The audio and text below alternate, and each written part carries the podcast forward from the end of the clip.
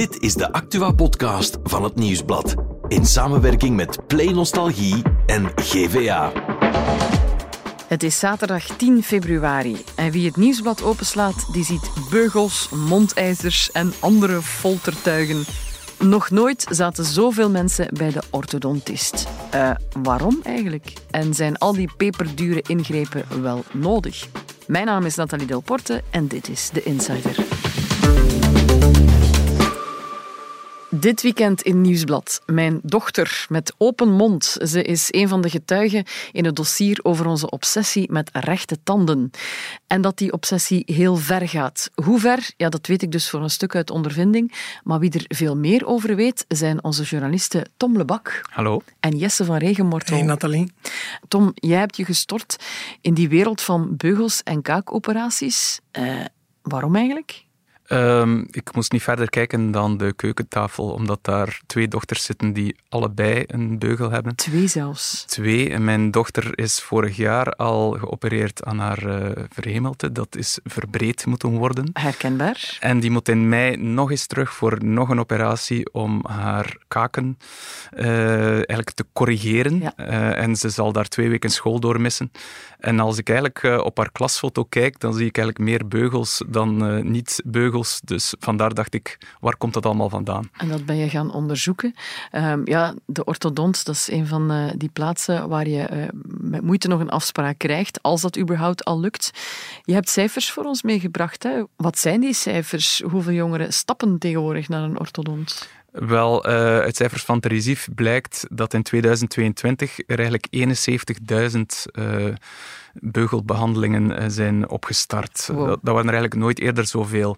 Als je dat vergelijkt met pakweg tien jaar geleden. Ja, toen waren het er ongeveer een 50.000 en de jaren voordien nog een stuk minder. Dus we zitten eigenlijk echt aan een, aan een constante stijging. Dat is niet alleen op de beugels, er is nog een andere stijging die veel groter is. Ja, zoals gezegd, die ingrepen aan, aan de kaak of aan het verhemelte, die, die stijgen ook en eigenlijk nog veel forser. Uh, daar kwam het uit dat kaakchirurgie in 2022 bij meer dan 18.000 mensen gedaan is. En dat is een verdubbeling op tien jaar tijd. Maar het gekke is, er is in C niks veranderd met hoe onze tanden in ons mond staan. Denk ik dan. We zijn niet anders gaan eten of gaan knabbelen wat is er dan wel ineens veranderd? Nee, er is ook geen uh, enge tandenziekte of zo die in opmars is. Dus ik denk dat die tanden wel redelijk hetzelfde staan als uh, vroeger, maar we kunnen er gewoon moeilijker mee om dat ze niet netjes in de rij staan. Uh, dus ja, met die toch spectaculaire cijfers ben ik dan toch op onderzoek gegaan naar ja, waarom is dat eigenlijk zo? Alright, we zitten hier nu met drie samen en we spreken toch wel zeker twee op de drie uit ondervinding. En Jesse, jij spreekt uit een andere ondervinding. Mijn kinderen zijn nog niet gesommeerd naar de orthodontist, dus ik ben voorlopig nog safe. Laat ons dat zo houden. Ik duim mee voor jou. Maar je bent wel met jongeren en volwassenen gaan praten die al het een en ander hebben doorstaan ja. bij de orthodont. Doen ze dat nu allemaal om rechtere en mooiere tanden te krijgen? Ja, ik weet dat dat niet zo is. Maar vertel mij eens, laten we met de jongeren beginnen. Welke verhalen heb jij gehoord? Ja, er is een variatie aan redenen. Hè. Um, Louise, die 13 is, ja. die heeft net deze week een blokjesbeugel aangemeten gekregen. Ja. En die vertelt dat er is niet echt medische noodzaak. Haar uh, kaken moeten ook niet geopereerd worden of zo. Maar de tandarts heeft tegen haar gezegd, ja, er zitten wat spleetjes tussen uw tanden, die staan niet 100% recht. Ik zou u aanraden om naar de orthodontist te gaan. Die raadt aan om een blokjesbeugel te laten plaatsen. En dat meisje zegt, ja, ik wil wel rechte tanden hebben, liefst heel mijn leven lang. Dus we gaan dat maar doen. De mama zegt, ja, uiteraard, we doen dat we maar. Volgen, Kost heel veel geld, mm -hmm. maar het gaat tenslotte om een levenslang mooi gebit. Ja, geen medische redenen, zeg je? Dat was bij anderen wel zo? Ah, bij je dochter, Nathalie. Allee, jij, vertel. Ik heb mij meegebabbeld. Hè. Ja. Uh, en mij is net 15 geworden. Maandag, just. ja, ja, ja. Oh, ja, ja. Ja, en, en zij, zij heeft mij verteld hoe intensief dat zij danst. Mhm. Mm -hmm. Op school 16 uur per week, nog een keer buitenschool 5 uur per Klopt. week. Mm -hmm. En dat de, dat de orthodontist haar heeft gezegd dat, dat haar kaak te ver naar achter staat, onderkaak te ver naar achter, waardoor dat haar luchtpijp een beetje gehinderd wordt, waardoor ze niet optimaal kan ademen Ja. en waardoor dat ze niet haar droom om professioneel danseres te worden zou kunnen waarmaken. Klopt, hè? Ja, als ik jou dat zo hoor zeggen, denk ik van, hebben we er ons nu laten inluizen? Maar het is wel degelijk zo. Ik heb hetzelfde probleem een beetje met die luchtpijp, dus er zal zeker wel iets van aan zijn. Ja, voilà. En dat is natuurlijk een, een reden die je helemaal niet kunt mhm. laten passeren. Mhm.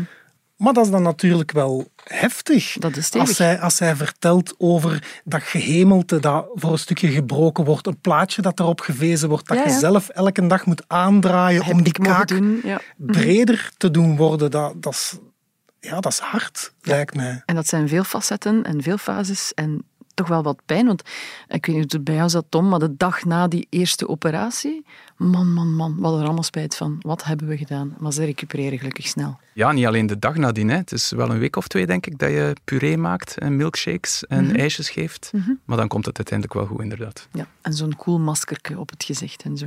Tegen de zwelling. Mhm. En dan de kosten, Nathalie? Het kost niet weinig, heb ik mij laten vertellen. Het, het kost waanzinnig veel geld. En um, het probleem bij ons was, we hebben een aanvullende verzekering genomen. Dan mhm. betaal je oorspronkelijk 33, ondertussen 40 euro per kwartaal. Wat op zich meevalt. Maar je moet dat al drie jaar betalen als je begint met het hele traject. En we hadden dat nog niet lang genoeg gedaan, waardoor we daar dus geen recht op hadden bij mee. Bij de jongste wel, maar die zal het waarschijnlijk veel minder nodig hebben. Dus we zijn ook gestopt met die betaling. Want ja, dus we hebben er al veel zelf in gestoken.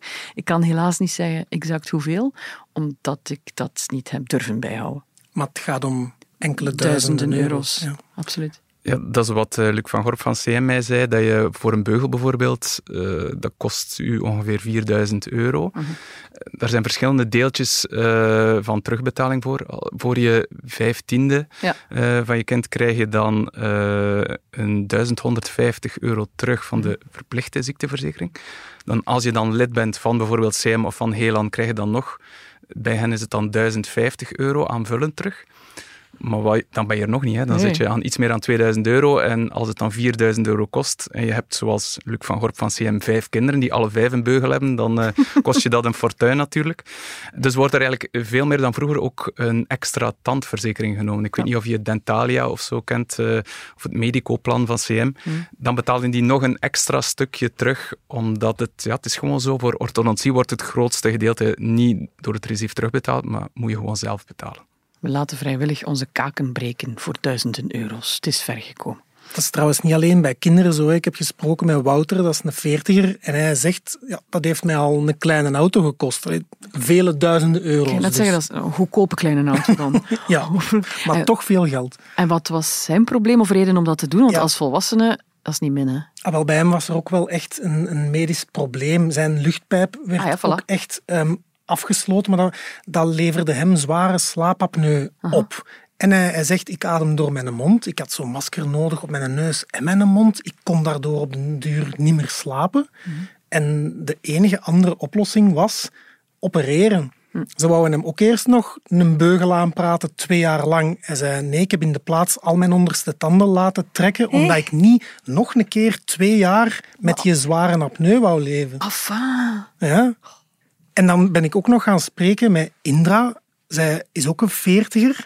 Zij heeft net anderhalve week geleden een dubbele kaakoperatie ondergaan. En zij kon al met jou praten? Ja, maar ze praat nog altijd een klein beetje moeilijk. Ze zegt, mijn gezicht is nog altijd gezwollen, dat, dat slaagt blauw en geel uit. Ik moet nog altijd shakes eten en ik zit nu in de fase van waar ben ik in godsnaam aan begonnen. Ja, maar je valt er wel een beetje mee af als vrouw. Is dat misschien ook een tof pluspunt? Ja, waar ben ik aan begonnen? Ik, ik vraag het mij toch ergens ook een beetje af. Is al die orthodontie nu een goede zaak of is te veel van het goede? Want ja, tanden die scheef staan, weet je, je gaat daar ook niet van dood. Hè? Ja, kijk, en die Indra die zei tegen mij: ik heb in heel mijn leven misschien drie keer een gatje gehad in mijn tanden. Ik had een heel gezond gebit, maar ik kreeg dan plots een ontsteking. Ze gaan naar de tandarts. De tandarts zegt tegen haar, ja, je tanden schuren op elkaar. Je hebt een volledig foute beet. Je zijt je eigen tanden letterlijk aan het opeten. En uh, als je niet je kaken laat opereren, dan ga je al je tanden verliezen. Ja. Dus uiteraard doe je dat dan. Ja, dat voelt inderdaad als een terechte reden om het te doen. Um, maar Tom slaat de slinger over? Nu, dat is iets wat Teresif zich ook afvroeg, want zij hebben uh, eigenlijk laten bestuderen. Ja, is het, hoe erg is het eigenlijk als we daar niet op zouden inzetten? En uit de studies die zij zo wat verzameld hadden, kwam er ook wel uit van ja, je gaat geen jaar minder lang leven als je niet beugelt. Mhm. Er is ook niet, uh, geen besluitend bewijs dat je minder last hebt van tandbederf, bijvoorbeeld, als je tanden mooi in, uh, in een rij staan. Daar was, was geen sluitend bewijs voor te vinden en het, zij hadden ook вдруг uh, nagaan dat er ook minder zelfbeeld was bij tieners als die bijvoorbeeld door een scheve tand uh, wat uitgelachen of gepest werden. Dus uh, dat was zo'n beetje de verzameling om eigenlijk te zeggen dat er op zich ja, weinig hard medisch bewijs is om echt te zeggen van in alle gevallen is het, is het nodig. Dus je kan je wel afvragen voor welk gedeelte van die 70.000 ingrepen die er per jaar gebeuren, is daar nu eigenlijk echt een medische noodzaak aan. Mhm. En dat is ook wat minister van Volksgezondheid Frank van den Broeke wil nagaan nagaan in welke mate dat allemaal medisch noodzakelijk is en welke mate er sprake is van puur esthetische ingrepen hm. en hoe dat dan zit met de terugbetaling bijvoorbeeld. Je moet eigenlijk gewoon tegen je kind zeggen, het is niet erg, laat die scheve tanden maar staan, het gaat je zelfbeeld niet uh, op een negatieve manier beïnvloeden. Het is oké, schat. En we gaan op congé met die duizenden euro's. Ah ja, of, we of, we kopen een kleine auto. Jongens toch. En wat is de reactie van de orthodontisten eigenlijk op het feit dat we het allemaal voor de mooie smile doen? Ja, die zeiden toch dat het eigenlijk nooit zo gewoon zwart of wit is. Uh, Zo'n beugel kan je volgens hen eigenlijk ja, niet gelijk stellen aan liposuctie laten doen of je uh, lippen laten opspuiten of zo. Het is volgens hen nooit echt een puur esthetische ingreep, omdat als je kind uh, een beugel laat dragen en als het daardoor dan toch openbloeit en meer zelfvertrouwen heeft en daardoor misschien uh, op een andere manier, weet ik veel, solliciteert of andere ambities heeft, is het dan een puur esthetische ingreep geweest? eigenlijk niet. Hè. Dan heeft het veel meer betekend dan alleen die schone schijn. Dus net omdat je die twee nooit kan loskoppelen, is het wel een, uh, is het wel een complex verhaal natuurlijk. Oké, oké. maar misschien toch een second opinion halen als je aan dit verhaal wil starten? Ik denk dat het niet kwaad kan om gewoon goed uh, na te denken als je al die info krijgt. Want het komt wel, er komt wel heel wat op je af als je zo hoort over operatie hier of beugels daar of aligners. Of, uh, ik denk dat het gewoon goed is om daar even bij stil te staan. Om ook even stil te staan bij de noodzaak en daar ook goed over te praten met uw kind. Want het is niet bij vijfjarigen dat het gebeurt. Het zijn mondige tieners waar je het uh, tegen hebt. Ja. Dus die zullen daar ook wel een uitgesproken mening over hebben. En waarom niet? Hè? Je kan het gesprek maar aangaan. Ja, nog even naar jullie tanden kijken. Oh, schoon. Ja, Tom. Dank je. Ik heb, mooi, Ik heb zo'n aligners. Hè. Alright. Maar je ziet ze niet. Wow, wow. Cool. Fancy. Oké, nog één boodschap aan de, de, dochter van 15. Gelieve niet op je smoel te vallen. Dankjewel Jesse, dankjewel Tom. Heel graag gedaan. Graag gedaan.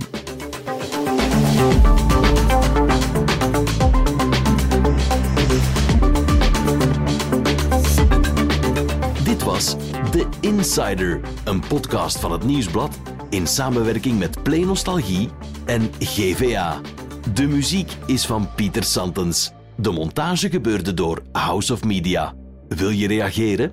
Mail naar podcast.nieuwsblad.be